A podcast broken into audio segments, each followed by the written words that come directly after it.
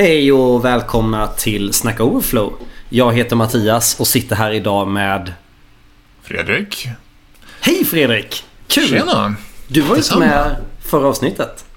Nej, Nej. jättetrist. Jag hade ju velat vara med och live-podcasta och göra massa roliga saker. Ja, det var så jävla roligt att och, och livepodda faktiskt. Det måste vi göra om. Du, du, du måste, det får du inte missa nästa gång. Nej, inte en chans. Nej. Men då pratade vi om microfrontends och monorepon.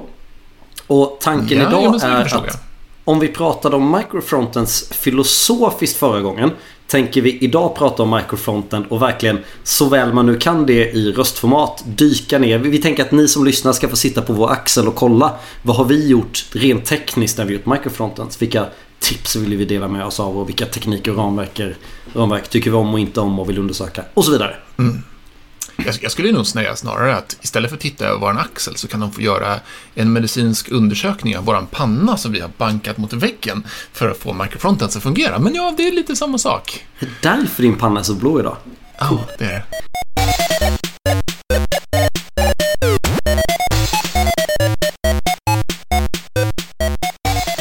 Men innan vi gör det så är det ju Yes. dags för personliga, veckans personliga fråga.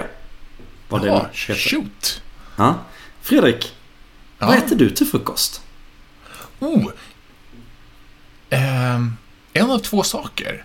Eh, jag är ju lite så här, lite fyrkantig vanemänniska, så antingen eh, grekisk yoghurt med müsli och russin, eller eh, mackor med leverpastej och smörgåsgurka på. Mm. Samma alla dagar. Det är enkelt. Morgonen, ja, sen juice eller kaffe till. Eh, alltså, är det samma helger och vardagar? Ja, samma helg. Är så? Okej. Ja, det är så. Mm. Det är undantag om vi går ut och äter frukost någonstans, typ på en hotellfrukost eller något så här fancy. Men, men så länge det är hemma så är det samma. Ja, men innan vi går över till mig då. Vad har du för strategi på hotellfrukosten? Oh, ehm, gå efter det som ser dyrt ut. Min fru Mm. har lärt mig det här. Mm. Man ska maxa hotellfrukosten. Man ska ha parmaskinkan och man ska se till att det, om det är någon som står och lagar någonting som ser bra, då ska man ju förstås utnyttja det. Det har man ju inte hemma. Mm, mm. Cool. Eller hur? Eller vad känner Ja, du? nej. ja, men jag, jag börjar med hotellfrukoststrategin då. Eh, eh, jag, jag förstår vad du menar. Uh, framförallt hotellfrukost då. Jag tycker det är otroligt mitt så här, om man ska vara på ett hotell flera nätter eller åtminstone mer än två nätter. Då ska man inte göra misstaget att man tar allt första dagen. Utan Nej, så, här, så, så är, det för, är, det en gång, är det en gång kan jag köpa dit så här, man tar det riktigt nice. Man kan så här, skippa brödet, man skippar definitivt yoghurten eller om det inte är någon riktigt nice yoghurt. Så här. Men är det fler dagar så är det viktigt att hålla i sig och ta. För, för är det fler dagar kanske den här halvnice yoghurten är supernice dag tre. Ja, ja, ja, absolut. Men en normal dag, jag, jag vet inte, jag har börjat bli mer och mer så här människa som inte... Alltså, så här, jag är hungrig på morgonen. Det finns många som inte äter frukost som inte är hungriga. Men jag tycker inte det är gott med mat på morgonen. Så just nu så är det så här det som lättast slinker ner. När vår son käkade polarkakor med smör körde jag samma sak polarkakor fast med räkost på tub. Ja, jag måste bara säga, mitt absoluta favoritbröd är såna här polarkakor, fullkorns polarkakor.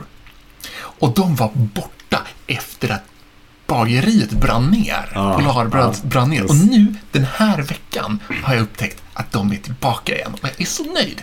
Men har du Mm. dem röda eller blåa? De blåa. Ja, alltså råg inte vete. Ja, precis. Ja, men då har vi samma fast jag har inte fullkorn. Det, är- nej, det är de blå. Blå, blå, råg, fullkorn. De är... Jaha, nej men är det? Det kanske är fullkorn.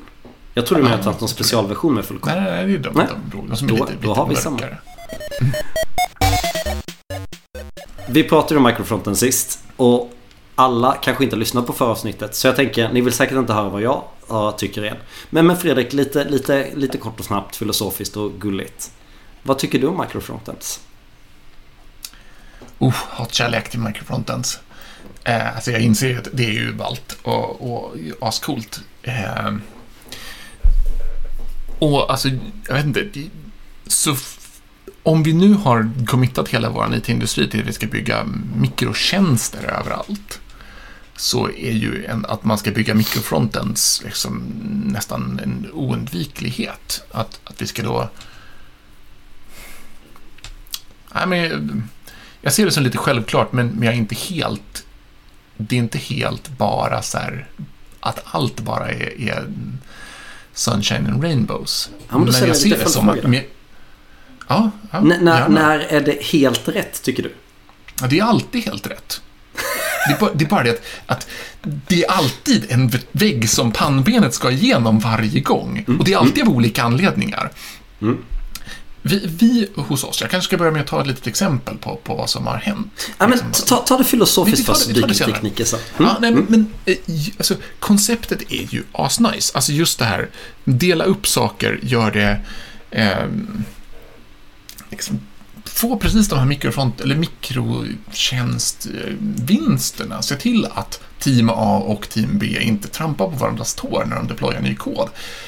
Det är så som jag tycker att det ska vara. Det finns en massa, liksom så här, massa CICD-möjligheter, saker som faller ut ur det här arbetssättet, som, som vi förmodligen kommer in på senare, som också kan vara helt magiska.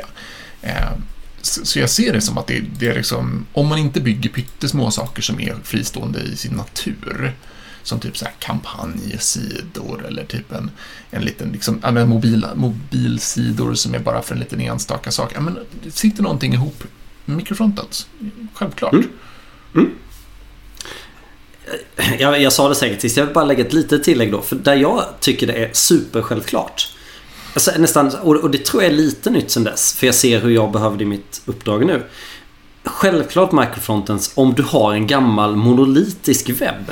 Du vill ha kvar men börja byta. Vill kunna göra bra saker i monoliten. Då Mm. passar microfront. Det här, det här strangle pattern man har pratat om i backend länge. Ja, ja, ja.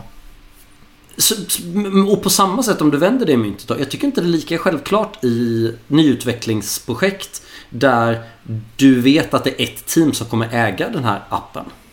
Mm. Jag skulle kanske göra, jag skulle kanske göra investeringen i vilket fall. Men jag skulle inte eh, fråna åt dem som inte gjorde det. Mm. Eh, jag, jag inser, alltså, vi- eller vi kan komma in på detaljerna senare, men det finns ett sorts, ett sorts en gråskala här på vad mikrofronten överhuvudtaget är för någonting. Ja men det är en bra segway över. Kör på det. Vad är microfrontens egentligen? Jo, men alltså, men, men det, jag tänker mig att liksom, en mikrofronten är en typ applikation som man, som man liksom mountar in i sin, ja, i sin stora webbsida. Men Mm. vad det än är, det kan vara liksom en, en bit. Men Det är något du Nej. mountar in. Check. något du mountar in. Men Mm. en komponent är ju också någonting du mountar in. Mm.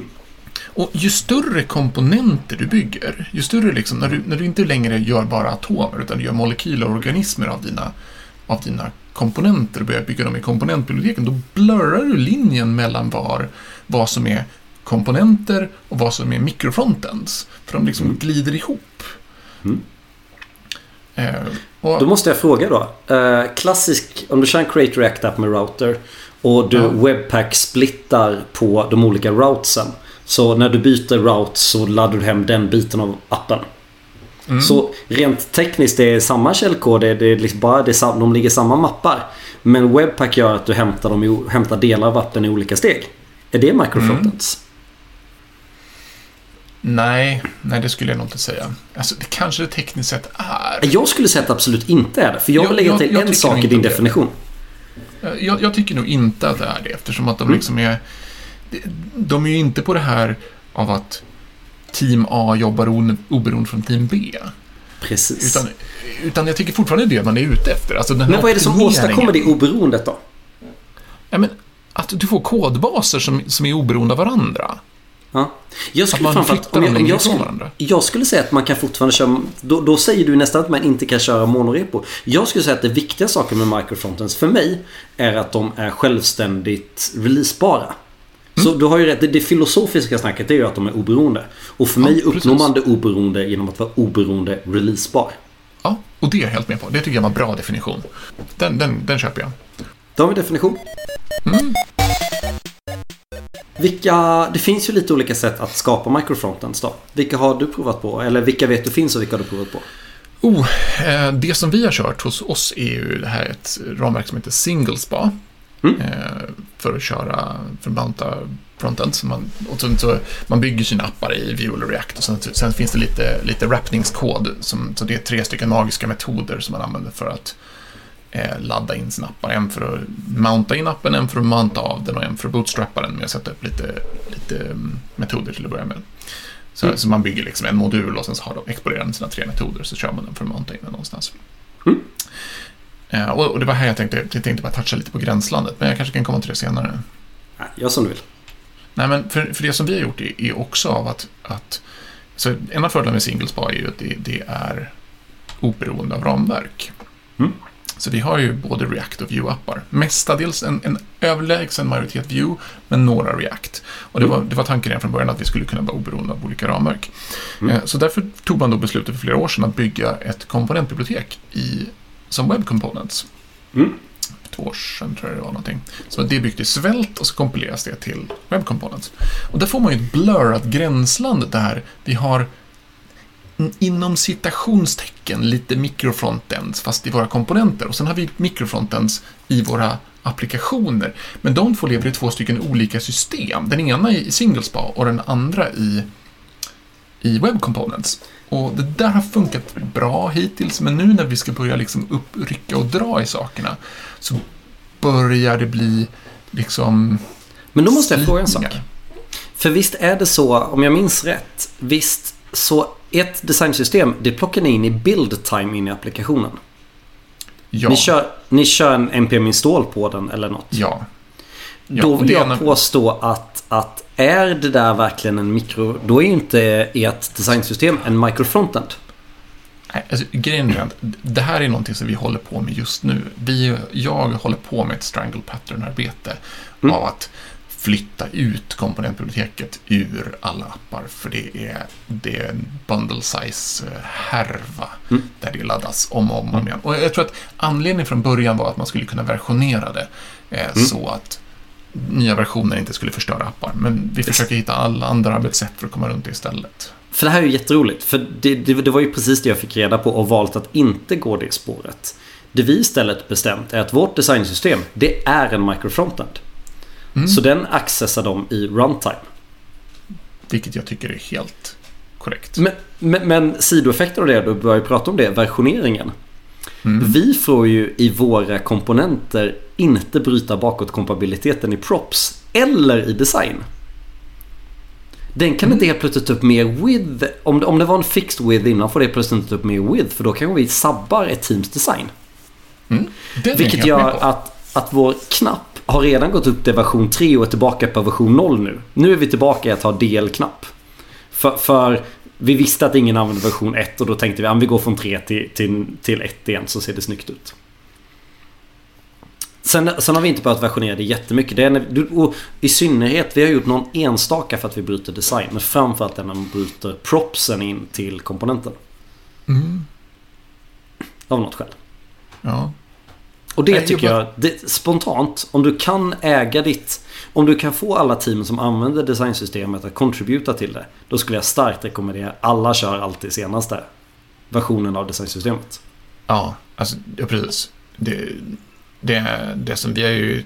En av grejerna som vi har gjort, vi, vi höll på lite försök på andra saker tidigare, det är att hitta sätt att få apparna att skrika ur sig eh, debugginformation om de inte använder de senaste versionerna av saker och ting. Mm. Alltså så man får dep olika deprekeringsmeddelanden. Hur har ni löst det äh, Ja, det är lite olika. Tidigare så, så körde vi ju en, en äldre version av komponentbiblioteket. Och då gjorde vi en, en publik wrapper, eller en publik eh, property i, i Windows-objektet som är så här den senaste versionen och sen så hade vi kod som kollar efter det. Men det, den var lite så här ah, svårmanagerad. En lösning vi är inne på nu är att vi håller på att konstruera typade wrapper-bibliotek. Ah, yes. Eh, för våra komponentbibliotek. Så era sätta... React och Vue-team tror att de gör ett designsystem, använder ett designsystem i sitt språk? Precis, eller ah, åtminstone okay, att de yes. får hjälp med att göra rätt saker. Och då kan vi göra mm. versionshantering i wrapper-biblioteket. För att mm. även om, om de bara installerar wrappers, då kan den göra kontrollen, versionskontrollen. Mm. mm. Det, det, är ett lite snyggt sätt att bara smyga in den property. Um, men äh, jag, jag, har en annan tanke här på, på, på det här med att man var oberoende. Ja. För, för en av konsekvenserna är att det, jag tycker att det uppstått en sorts beroendeparadox. Att man både är mer beroende och mindre beroende samtidigt. För det var ju Ja, precis då som du sa. Du sa att komponentbiblioteket körs som en mikrofrontend. Mm. Att du Alltså- och jag befinner oss i samma situation. Det är att det går alltså inte att köra din applikation själv. Nej. Eh, Det är en av konsekvenserna. Så du Mm. blir helt plötsligt beroende av att alla andra applikationer också kör i en körande miljö. Mm. Även om de, det bara är frontend. Eller liksom så. så mm, det finns en sorts inbyggt paradox med, med att man är mer oberoende från de andra och samtidigt blir mer, både Mm. mer och mindre beroende av dem samtidigt. Men då, då ska jag... Då, då, jag tar det som en övergång då. Jag hade tänkt ta här senare, men skitsamma. Mm. En sak vi har gjort, en av de bra sakerna som funkar riktigt bra hos oss. Det är att vi har ett plugin. Vi kör ju också singles på. Eh, men det, samma princip funkar överallt. Jag ska lösa det på mitt andra uppdrag på ett annat sätt. Men någonstans kunna kontrollera varifrån hämtar jag den här microfrontenden. Att det ska vara lätt att skriva över i din browser.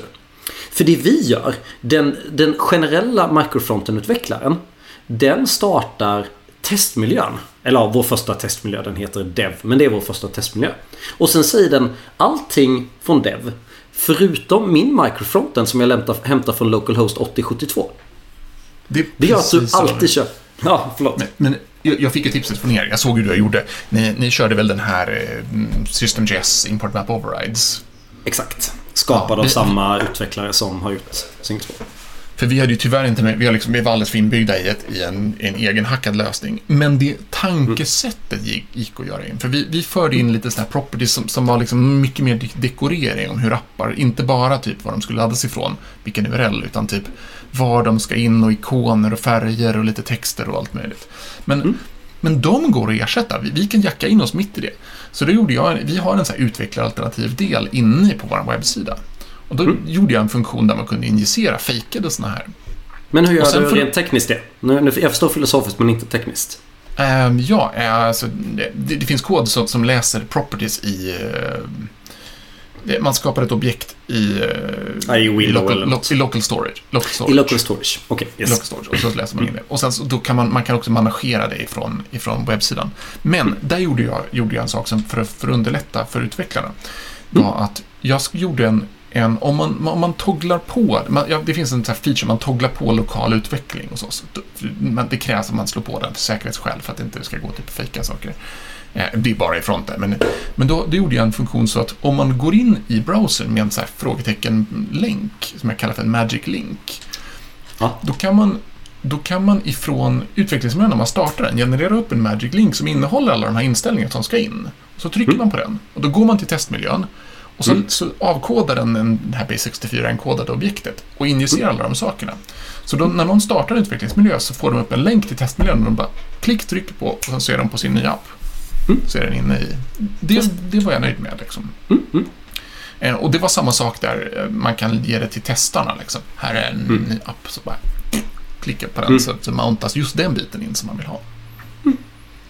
Vi har tänkt något liknande. Det vi har funderat på då det är om man ska... För, för vi använder import map overrides. Men egentligen det enda den gör, den sätter saker i local storage. Så man skulle Mm. kunna skriva sitt eget gränssnitt där. Och då skulle man, vi har inte kommit dit. Men det vi har funderat på det är om den ska gå in och liksom ligga och börja köra någon typ av ping om den kör något, liksom ett, ett vanligt fetch request. Till alla de portarna vi känner. Alltså local, local host kolon och sen de olika portarna microfronten kan ligga på.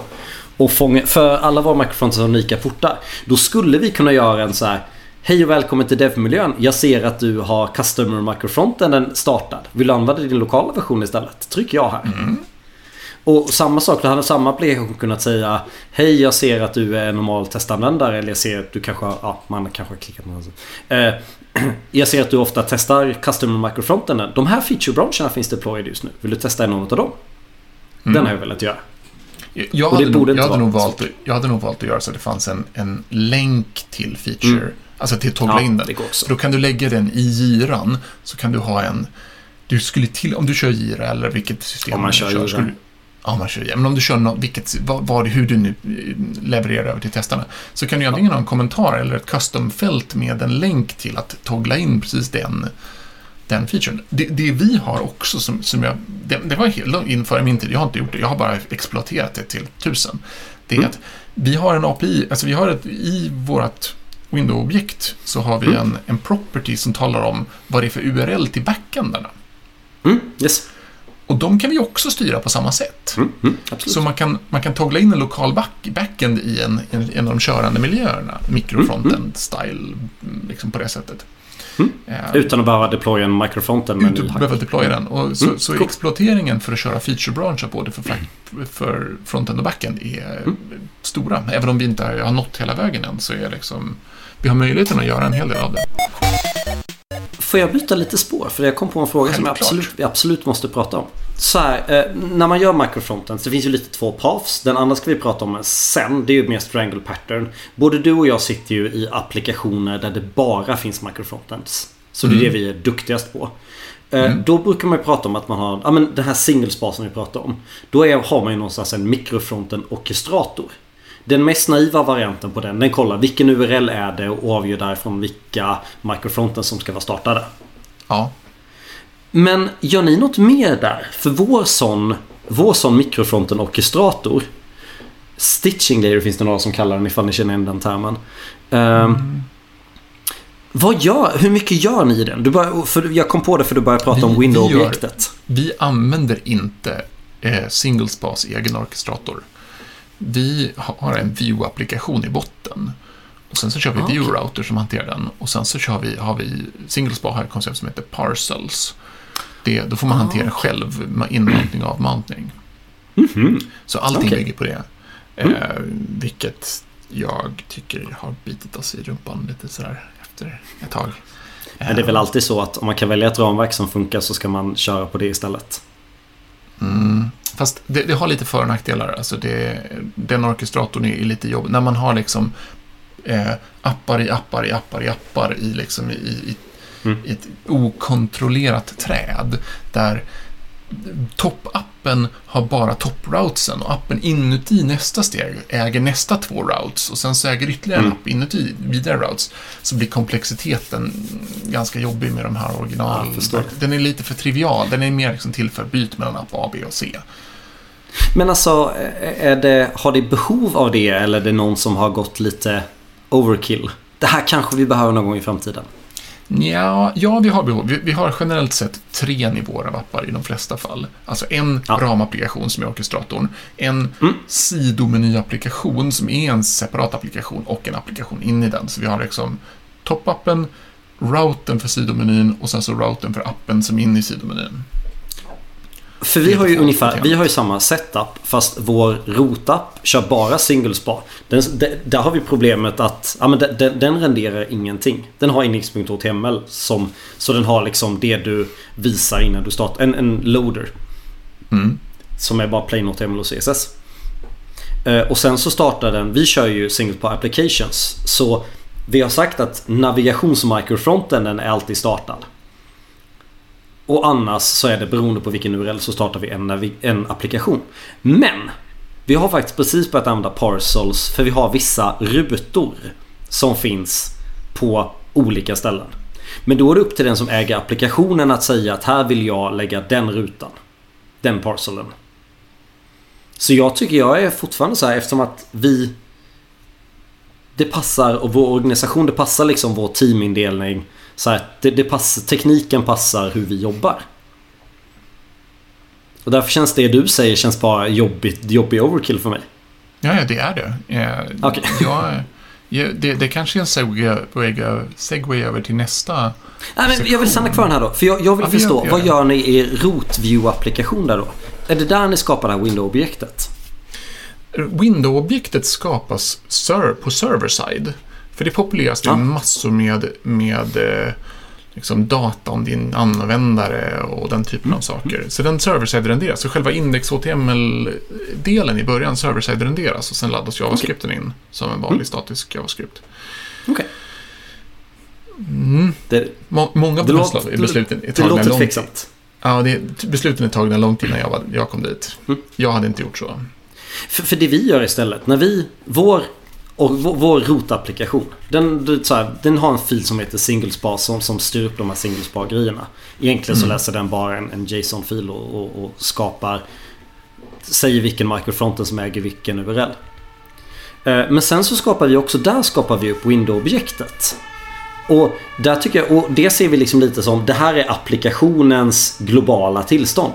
Saker som vi tror att i princip alla microfronten, eller så här, som vi tror att minst två, tre microfrontens behöver ha. Men där börjar vi redan nu få lite jobbigt så här, hur, hur funkar den? För det har gjort att så här, när vi skapade objektet och det var read-only där funkade det jättebra. Men sen vill ju vissa saker så här, säg ett dumt exempel, vårt, vilket språk vi har applikationen på finns där. Mm. Men så finns ju Setix mikrofronten som kan uppdatera språk. Vill man då att den ska skriva direkt på det här globala objektet? Då vet man inte riktigt när de andra microfrontensarna kommer läsa den igen. Säg att det är... Vi hade problem med att navigationstjänsten blev inte uppdaterad, den som alltid är mountad, när man uppdaterade språk i settingstjänsten och tryckte på spara. Mm. Så beslutet vi har tagit är att vi har ett globalt objekt med global kontext, liksom vissa saker man behöver i vår applikation. Inställningen är typiskt en sån. Eh, och alla uppdateringar där måste gå via funktioner som finns i samma globala objekt. Som liksom man anropar en setter så den settern finns även i vår rotapplikation. Som då, det är den som uppdaterar det är rotapplikationen som uppdaterar rottillståndet, det globala tillståndet. Och därifrån skickar den ett event. Mm. Jag och det är någonting som jag är jävligt roligt för det var ju någonting du var ju faktiskt inne och kodade min kod i några veckor för ett och ett halvt år sedan. Där var ju faktiskt någonting du gjorde som blev jävligt bra. Hur du gjorde den världens mest naiva eventbuss som fortfarande funkar svinbra. Vill du berätta eller ska jag? Ja, men jag tror, jag tror jag kommer ihåg vad jag gjorde. Så jag tror jag i princip bara gjorde något. Jag gjorde ett event. Jag kommer inte ihåg exakt hur jag implementerade. Jag gjorde ett event som höll koll på när du har uppdaterat någon setting. Och så publicerar jag ett event som säger någon har petat på det här objektet. Och sen så överlåter man ansvaret till alla att, att ja, men kolla vad det är för någonting. Jag hade nog, om jag hade gjort, haft lite mer tid, och jag har ju en, jag har en förkärlek för att komplicera till saker bara för sakens skull. Och Men- jag raka motsatsen. Ja, precis. Men, men det jag hade gjort idag, eh, jag hade nog gjort sa, i princip samma sak. Jag hade haft ett objekt, jag hade haft ett event. Men jag hade nog även skrivit en liten wrapper till de olika biblioteken som wrappade in reaktivitet för det här. Så att du Mm. kunde ha typ en, men om du kör React så skulle jag haft en, en, en custom use, use window object som, Mm. som man kunde göra en React hook på som, som uppdaterade sig själv, när, som lyssnade på det här eventet och löste det åt den. Och så, så gjort ett, typ ett NPM-paket eller någonting, något sånt åt som man hade liksom kunnat få. Sen har jag gjort en sak till. Men, eh, men det är mer convenience. Men pro- problemet är att annars så ser jag att jag skulle ha gjort det i varje bibliotek för sig. Men senare problem. En sak som jag verkligen skulle ha gjort är att jag hade skrivit ett CI-CD-verktyg så att det bibliotek som publicerade Windows-objektet också publicerade en TypeScript-typning för Windows-objektet. Mm. Det hade jag gjort. Och det gör vi sådär idag. För idag, idag gör vi det manuellt. Eh, Alla microfrontens klonas ju från en och samma template som man borde ligga hyfsat i synk med. Mm. Den, vi, vi kan copy-pasta en fil från, det, från rotprojektet in i det projektet. Så får de den senaste typdefinitionen. Ja, Jag måste bara en teknisk Nej, fråga på det, en, av sakerna, för, för det, det är ett problem som vi har. Själva root-applikationen, den som kör själva mountningen alla de sakerna, kan ni ersätta den med i System.js Import Map Overrides? Den? Ja, den absoluta root-applikationen. Nej. Det kan vi För, inte. För det kan inte vi heller. Och ett av problemen som vi verkligen har, har bråkat med, det är att de här metoderna, de här, mm, vad heter de? Ja, men så här window-objekt-metoderna, utils-grejer, Ja, ja. de ligger i det bibliotek som inte går att ersätta. Så jag hade Ja. egentligen velat att utils-metoderna också var en, en mikrofrontend, även om den inte har någon frontend, att det är en, en på Mm. sidan, så att jag kan titta och debugga och, och, och köra den vid sidan och mounta in den lokalt. För det kan Men vi då inte sätter idag. vi- Vi sätter en 30 sekunders pin i den då.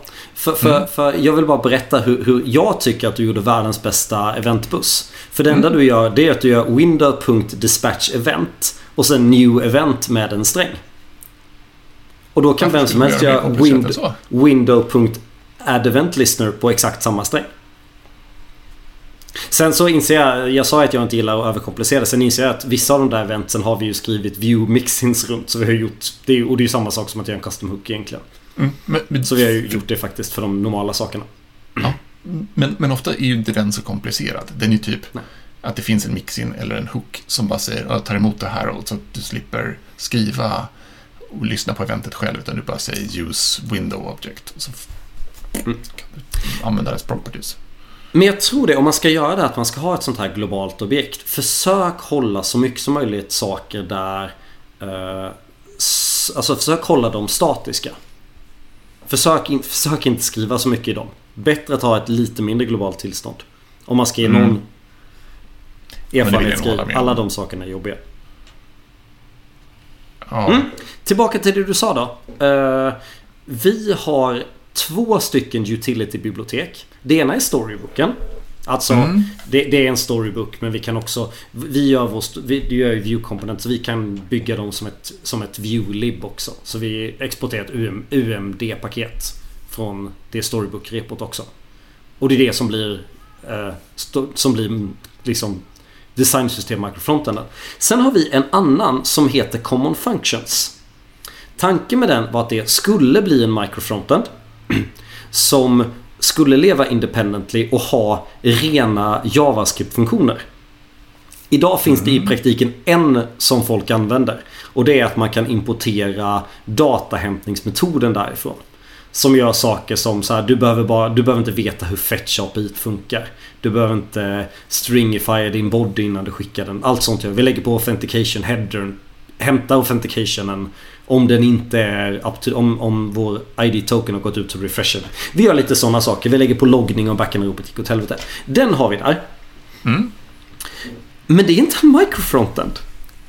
För det är, vi bygger två stycken, i Webpack så bygger vi två stycken applikationer. Jag behöver kanske inte berätta det här för det är bara dåligt.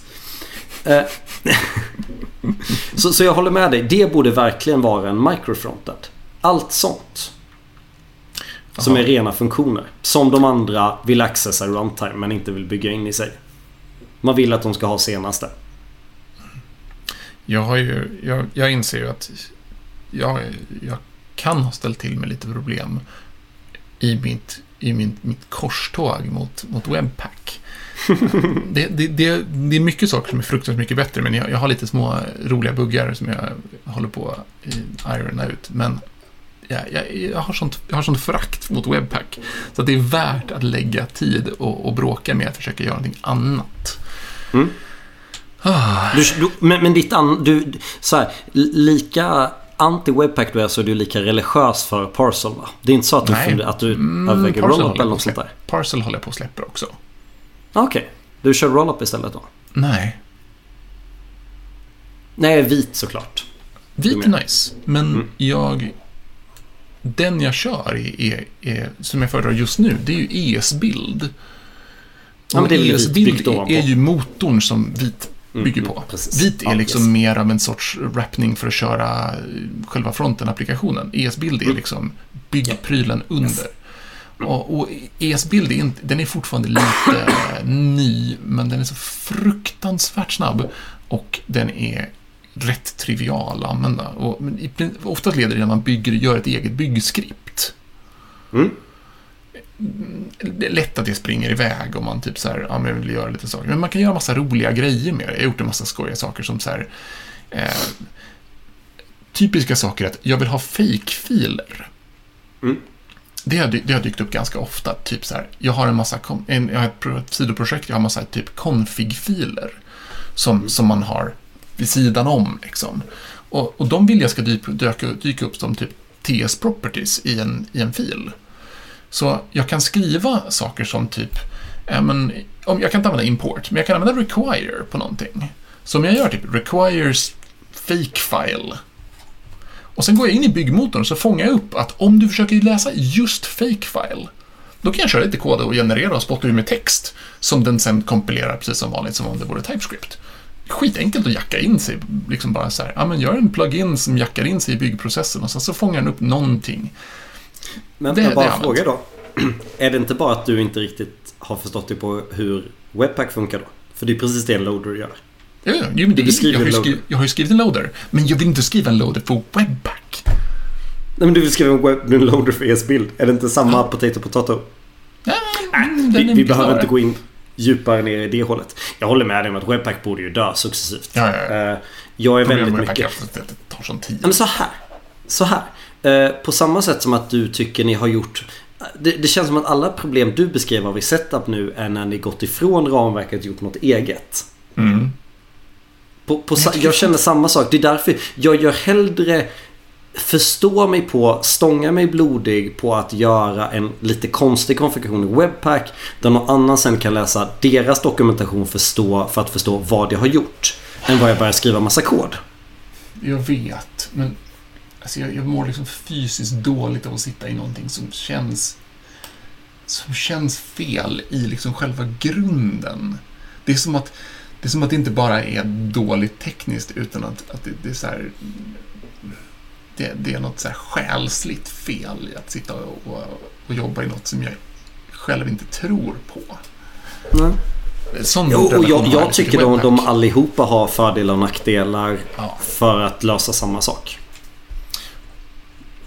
Men Men ska Ja, vi gå ur det hålet jag, eller? jag vill gå över till en segway på vad, på vad, vad, vad jag försöker göra nu och vilket jag Mm. tror att vi och touchar på vad framtiden kommer vara. Men, men då vill jag slänga in min sista grej då när vi är kvar Mm. i Webpack-träsket då. För om du kör microfrontends, framförallt om du kör det med System.js, så finns i din Webpack-config finns keywordet external.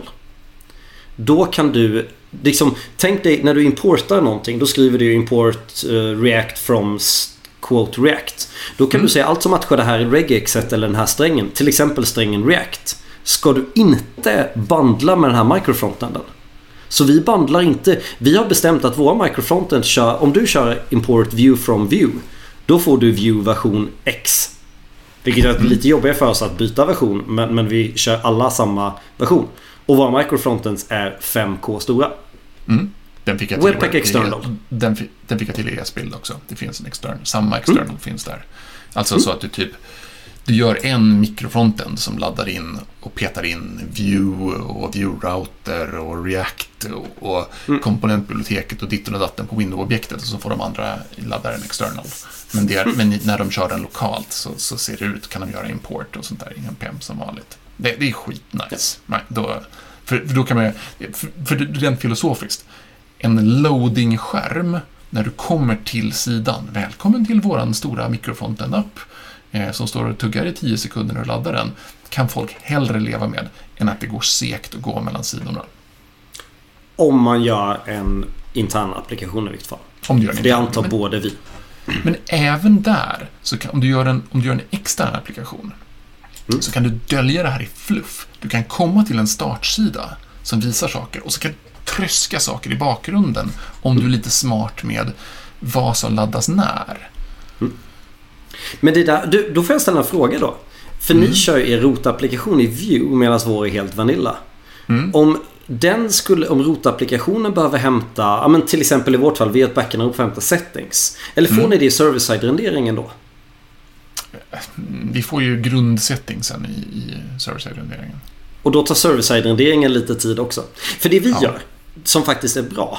Det är att eftersom att vår rot, eftersom att vår rotapplikation är så himla liten. Vi pratar, pratar kilobyte här. Kilobyte? Mm. Kilobyte, vad var det? Eh, så kollar den att du är inloggad, börjar ladda hem view parallellt. Och när den insett att du är inloggad så börjar den hämta settings och vad du är authorized. Samtidigt som den hämtar view och allt annat. Så mycket, mycket av de där sakerna vi, kan vi köra parallellt. Eftersom att vi har en rotapplikation som är Vanilla. Det är ett bra tips. Helt, helt med på den. den, ska, den om man har en rotapplikation så ska den bara jobba med typ grundorkestreringen. Vilket gör att vi hade kunnat göra en progressiv laddare som först bara är en spinner och sen när vi har etablerat att du är inloggad så står det Välkommen tillbaka Fredrik. Och då hade det tagit... Men, men nu går den ju på två sekunder så nu behöver vi inte göra något sånt längre. En av, ett av problemen som vi har just nu är att vi har byggt en massa wrapping-funktionalitet runt singlespa för att få det här att funka. Mm. Alltså det är typ så här, det finns lite så här parcel loaders och grejer. Och, och nu befinner vi oss i ett, ett skifte där vi vill börja gå över ifrån Vue 2 till Vue 3 och vi vill börja få gå upp från JavaScript till TypeScript på, på applikationer och sånt. Och våran kod, den som rappar in det här, den ligger i ett, i ett NPM-paket som i sin tur är installerat i rotapplikationen som sen ska konsumeras ifrån andra saker. Och den är på en komplexitetsnivå av att det är ingen som jobbar här som förstår hur det här är gjort längre. Och det gör att, att Då är det dags att slänga ut det. Ja, precis. Och det, problemet med det här är att det, är ett, det, som jag, det som jag börjar inse är jobbet med singlespa är att det ser väldigt lätt ut initialt. Ja, men det är bara tre metoder som man ska köra på sin metod. Det är inte så komplicerat.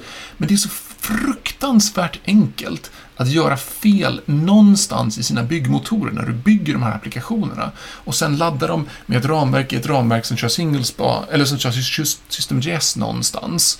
Och då, du, har, du, du har kodsplittat upp det här i olika filer och de ska, du ska hitta den filen som har... Så du har gjort massor med, med magi runt omkring. Och nu får du, jag har byggt en applikation som jag tycker ser rätt ut, som jag tycker borde fungera och ska mounta in den och så bara smäller den och säger nej, det funkar inte. Eh, varför då? Mm, felmeddelandena är inte tydliga. Nej. Det Men det igen där då. Nå- Någon har kodat massa magi istället för att Mm. använda pluginet. Ja, men det här är, det som, det här är det, den övergången som, Mm. som jag då är inne på och som jag tror att du också är inne och touchar på. Är att det jag vill göra och vill gå mot istället är ju slut, istället för att använda singlespa så vill jag ju ha Mm. Komponent, alltså hela apparna som web components istället. Mm. Jag är inte redo att slänga singlespa. Men, men, jag, jag, men då ska man använda singlespa på riktigt. Men, men vi Mm. kör övergången till web components. För den vill jag också gå mot. Kör. det, alltså, det som jag inser där är ju att, att orkestreringen, om man ska gå över till web components, är mycket, mycket, den känns så mycket, åtminstone mycket mer trivial. Alltså, det, det jag möjligtvis inte har löst fullständigt än är hur jag ska se till att få lazy loading, så att jag bara kan säga eh, var som helst i min applikation så ska jag bara kunna säga eh, lägg in mm, demoappen som en, som en sån och sen ska den dyka upp som en, en mikrofrontend. Min Mm. lösning just nu som jag är inne på, som jag, jag har inte börjat bygga någonting, jag bara sitter och funderar på den, är att jag har ett särsk, en särskild mikrofrontend eh, loader. Så att man har två, man, om jag ska ladda in en app så lägger Mm. man typ eh, my-loader och i my-loader lägger jag my-app. Och sen så har jag i, myloader-applikationen som är en mikrofronten på sidan så har jag den där Men förlåt, kan jag vilket, vilket problem är du försöker lösa nu? att, eh, in, att, app, eh, att jag inte vet när apparna laddas. Jag kan ju antingen säga Mm. system på import bla bla bla bla bla. Men jag, men jag vill komma till ett läge Vänta, vill du kombinera systemjs och web, web components? Ja. Eller För jag känner att om man, om man kör web components behöver man inte systemjs. Fast det behöver du ju ändå. Du kan ju inte ladda, eller du måste ju fortfarande dynamiskt ladda dem senare. Du Ja, kan men inte då kan man ju bara... Man kan, då kan man ju bara ladd, slänga in en liksom inner HTML eller lika med skripttagg. Men det är ju det SystemJS gör. Har du varit inne och kollat Ja, vad SystemJS gör? Nej, jag vet inte. Nej, det har jag inte. För SystemJS lägger till, det den gör är typ att den lägger till en skripttagg och sen tar den bort den igen. Okej. Jag har suttit och, jag har suttit och debuggat i SystemJS för att försöka förstå varför våra parcels inte laddade. Mm. Det För, för, på vårt, för, för på mitt andra uppdrag som jag är på väg in i. De ska göra ett strangle pattern på tre applikationer som egentligen gör samma sak. Så ibland vill de dela gränssnitt mellan de tre applikationerna och på sikt borde det vara en applikation. Mm. De kör just nu och jag har inte varit med och tänkt alls. Då kan de De ska droppa in en skripttagg och sen den skripttaggen innehåller oftast bara en vy men det kan ju teoretiskt sett innehålla små, flera små vyer. För den kör ju bara liksom Den skapar web components. Mm. Sen kan den som konsumerar, den som lägger till skript kan, kan ju sen välja vilken av de här custom-taggarna, vilka custom elements den vill använda. Så du Och vill på det sättet sorts- separerar vi ju nedladdningen av koden och uppstarten av koden. Se till att du cachar nedladdningen av, av mikrofronten bara så att du inte laddar dem varje gång du klickar fram och tillbaka, fram och tillbaka. För det löser ju eh, SystemJS åt dig. Alltså Ja. om du har, Jag har att den inte ens försöker. Mm. alltså om, om, du har, om du har två sidor som, som båda är web components Mm. eh, och du lägger in en, en sträng, bara så att du ser till så att när du klickar på A-applikationen så laddas A-applikationen. När du klickar på B så laddas B. När du klickar tillbaka till A, då ska A redan vara laddad. Jag tror det skulle lösas med browser-cachen bara. Möjligt. Men det, det jag säger är, ta inte det för givet. Nej, nej. Utan, utan alltså att göra en pytteliten antingen använda System.js eller göra någon egen liten web component som lägger runt som sköter åt dig, som kan ha koll på var de laddas ifrån och, Jag och sånt inte man ska göra det själv. Så här, jag, jag tycker det här är jättemycket, alltså vi är verkligen inne på svåra arkitekturella mönster. Därför tycker jag man verkligen ska hålla sig hårt i handen och köra de naiva lösningarna tills de blir dåliga. Mm. Men strangle-patternet med att köra web components är ju väldigt trevligt på det sättet att om, om ni redan har en enorm monolit som ni skriver in i React eller Vue eller någonting så är det ganska enkelt att gå in och bara så här i den applikationen blör, trycka in sin web component i den. Absolut. Det strangle-patternet tycker jag funkar väldigt bra. Verkligen. Men alltså som sagt, SystemJS löser ju... Sen, sen är ju SystemJS är ju en polyfill, vad jag har förstått. Den är ju tänkt att ersätta Ja. det, det framtida import som borde komma eventually. Yes, absolut. Men, du, eh, en annan sak. Eh, hur cachebreakar ni i microfrontends? Så ni har bra cachning både ute i browsern, alltså ute hos kunden, och i, i CDN. Hur, hur löser ni det? Det gör vi inte. Men, men, så här, men kunden kan ju inte ladda hem i microfronten varje gång. Jo, Okej? jag ser inte att det är bra. Nej. För vi har ju en... massor med Och det är därför vi pratar om saker det. som vi borde fixa. För, för vi har en sak där vi borde fixa. Och det är att varje microfronten, förutom att den deployar sin bundle, så använder vi plugin till Webpack som berättar vad- den ser. Egentligen så berättar den bara vilken som är senaste hashnumret. Asset, Webpack, plugin. Ja, det, det skapar en assets-fil. Så eh, det vi har sagt är att de assets.json som är en halv kilobyte stora, de cachar vi inte. Och när vi ska ladda hem en ny microfronten så laddar vi, hem, laddar vi först hem den assets.json-filen. Och sen gör vi system import på det den, skick, det den gav oss. Mm. Vilket gör att en, ja, eftersom att JavaScript-hashen är ju då förhoppningsvis unik. Så kan vi teoretiskt sett cacha alla JavaScript-filer hur länge som helst. Men vi får aldrig casha våra assets.json-filer. Vi får en extra roundtrip via servern. Runt 100 millisekunder delay. Även på snabbt internet så länge du inte har lång liksom, roundtrip. Eh, men du får, du behöver aldrig ladda hem de stora filerna igen. Och då behöver vi inte ens tänka på cache breaking för eh, uh, assets.json är aldrig cachade varken i, browse, varken i browsern eller i CDNen. Uh, eh, utan den åker direkt. Den får du alltid den fräschaste direkt från vår S3 bucket. Men JavaScript-filen kan vi cacha hur länge som helst. Det tycker jag. Och det, det som vi borde göra bättre är att vi borde ha en gemensam sån här Istället för att de har sin egen assets.json Så borde vi ha en assets.json för applikationen. Men det är en teknisk förbättring. väldigt Kan man mycket. leva... Ja, ja, den, den, jag håller med dig. Man borde, egentligen borde man ha en sån stor snapshot som du bara laddar första gången när du går till sidan. Ja. Men eftersom att det handlar om, alltså på riktigt, under 100 millisekunder på min dator. Vi ska stödja ryska tundran. Vi gjorde någon typ av mätning att det kanske är 0,3 sekunder. Eh, vi har inte... Vi tror att det blir lite, lite mer tekniskt komplext och därför har vi valt att inte göra det. Det har inte varit värt den vinsten vi har kunnat Ja. göra. Investera tid på andra saker. Men där går ju, det går ju att göra andra saker som att... Nej, men det, det är egentligen ganska bra. Men då menar du alltså att den filen som du bygger som, som dyker upp i assets.json-filen, den är hashad? På något- Nej men alltså det, det, är en, det är en assets.json och i den JSON-filen finns det Det hade kunnat vara liksom en assets.txt och i där Mm. står det liksom app.hashen.js Mm. och det är hashen man vill åt liksom. Men Precis, det bygger ju på att du har en hash på den. Ja, precis. Absolut. Mm. Vi bygger den hashen. Nej, jag, jag, ser det här som, jag ser det här som lite... Jag är inte säker på att man löser riktigt rätt problem. Eller att, att man lägger... Att, att man liksom försöker lappa ihop någonting som kanske inte är rätt från början. För du var inne på det här tidigare av att man gör external. Mm. Eh, och laddar saker externt. Den, den vägen tycker jag egentligen... Alltså om du tänker dig att du... Att du om du loss, leker med tanken av att vi, vi, vi får inte cacha våra JavaScript. Vi måste ladda ner dem. Mm. Eh, eller åtminstone att vi kan, vi kan inte casha, vi kan casha utvalda några få JavaScript, men inte alla. Men om, du går, om du är ganska strikt på din hantering av vad du sätter som external och cashar dem, Mm. då kan du få ner storleken på dina faktiska appar ganska långt så att cachning blir mindre relevant. Så att de Men det, det är fortfarande så här, du, du, får ner dem till någonstans 10K, 5-10K i bästa fall. Mm. Och så fort du slarvar lite så går de snabbt upp till 100K. Mm. Och vi vill stödja 1 megabit och vill att microfronten-inladdningen ska vara rapid.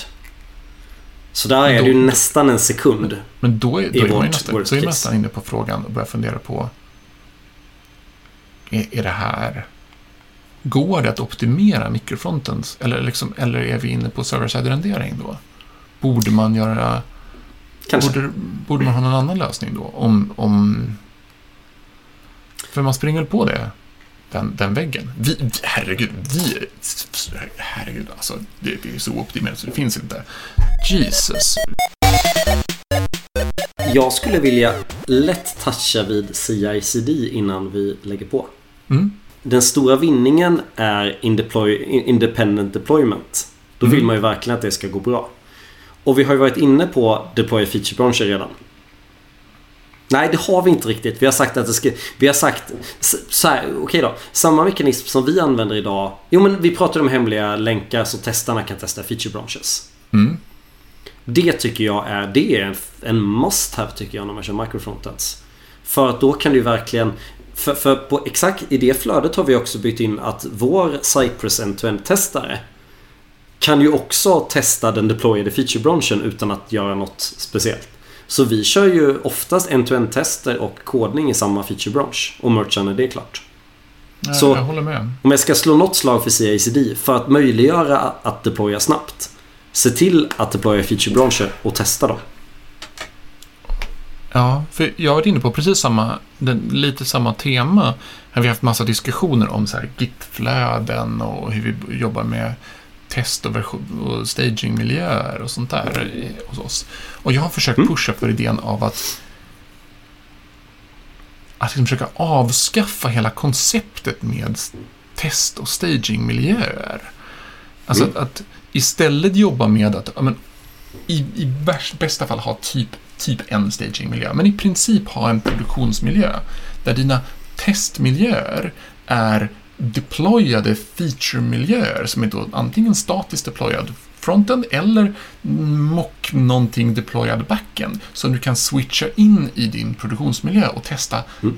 bara de specifika sakerna vid sidan om. Men, men det, det sitter, det, det de som har jobbat länge där, det här är liksom den som inte är så här intresserad av DevOps. är- Det är ganska jobbig, en ganska jobbig paradigmskifte för alltså. Jag, jag förstår. Jag är redo men jag har inte ens börjat gå den vägen. Jag har inte ens börjat föreslå det på min uppdrag. Men, men, men du, du behöver inte berätta det här för någon. Men, men, men jag och min sensorkollega Amani kan ju ha råkat koda en tjänst så. Det var en helt ny tjänst. Vi deployade API. Det var liksom, vi behövde ingen extern data utan det var en självständig micro-backend. Som vi som han körde continuous delivery på varje gång jag kodade någonting. Jag skrev min microfronten. För då då, det här pluginet där vi kan sideloada microfrontends. Mm. Jag startade ju produktionsmiljön. Och sa hämta den här microfronten den från localhost. Så vi gjorde ju precis det. Men då ska du vara redo för det mindsetet. Han var ju så här, nej men då behöver inte jag bry mig om att releasa. Det är ändå ingen som bryr sig om det här API. Det var ingen viktig data eller något sånt där heller. Ja, Nej, jag kan ju säga det. Det, det, var, det, var en, det var tjänsten för feature toggles. Ja, nej, men alltså för det... För det oh, vänta, jag Datan var inte känslig så vi kunde bara köra. jag var inne och touchade på en, en, en annan sak som också varit... Åh, vad var det? Mm. Jag var inne på Tänk väl för det är det sista du säger idag. Ja. Hmm. Jo, just det.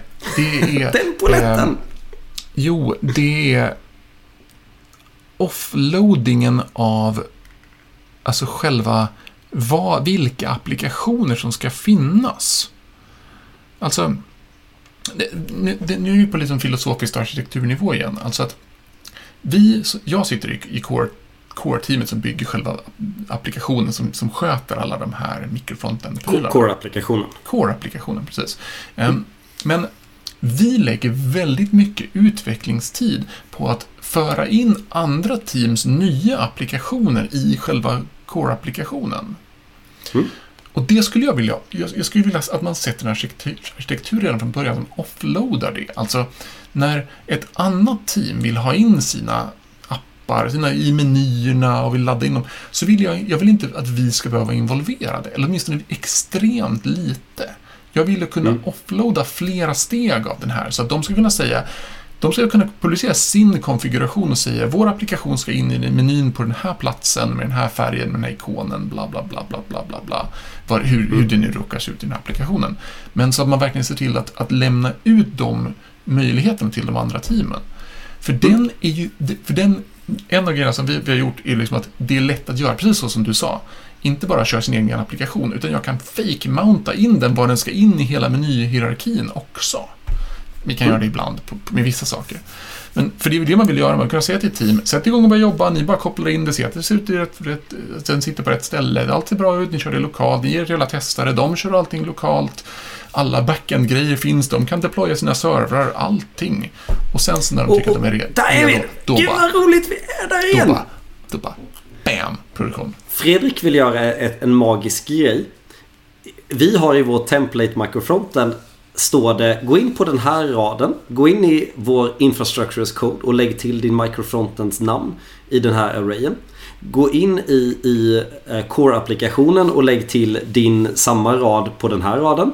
Och sen mm. så lägg till dig vad du vill i navigationen. Uh, lägg en merge request, navigationsmicrofrontenden. Vi är maintainers men vi kodar ingenting i den.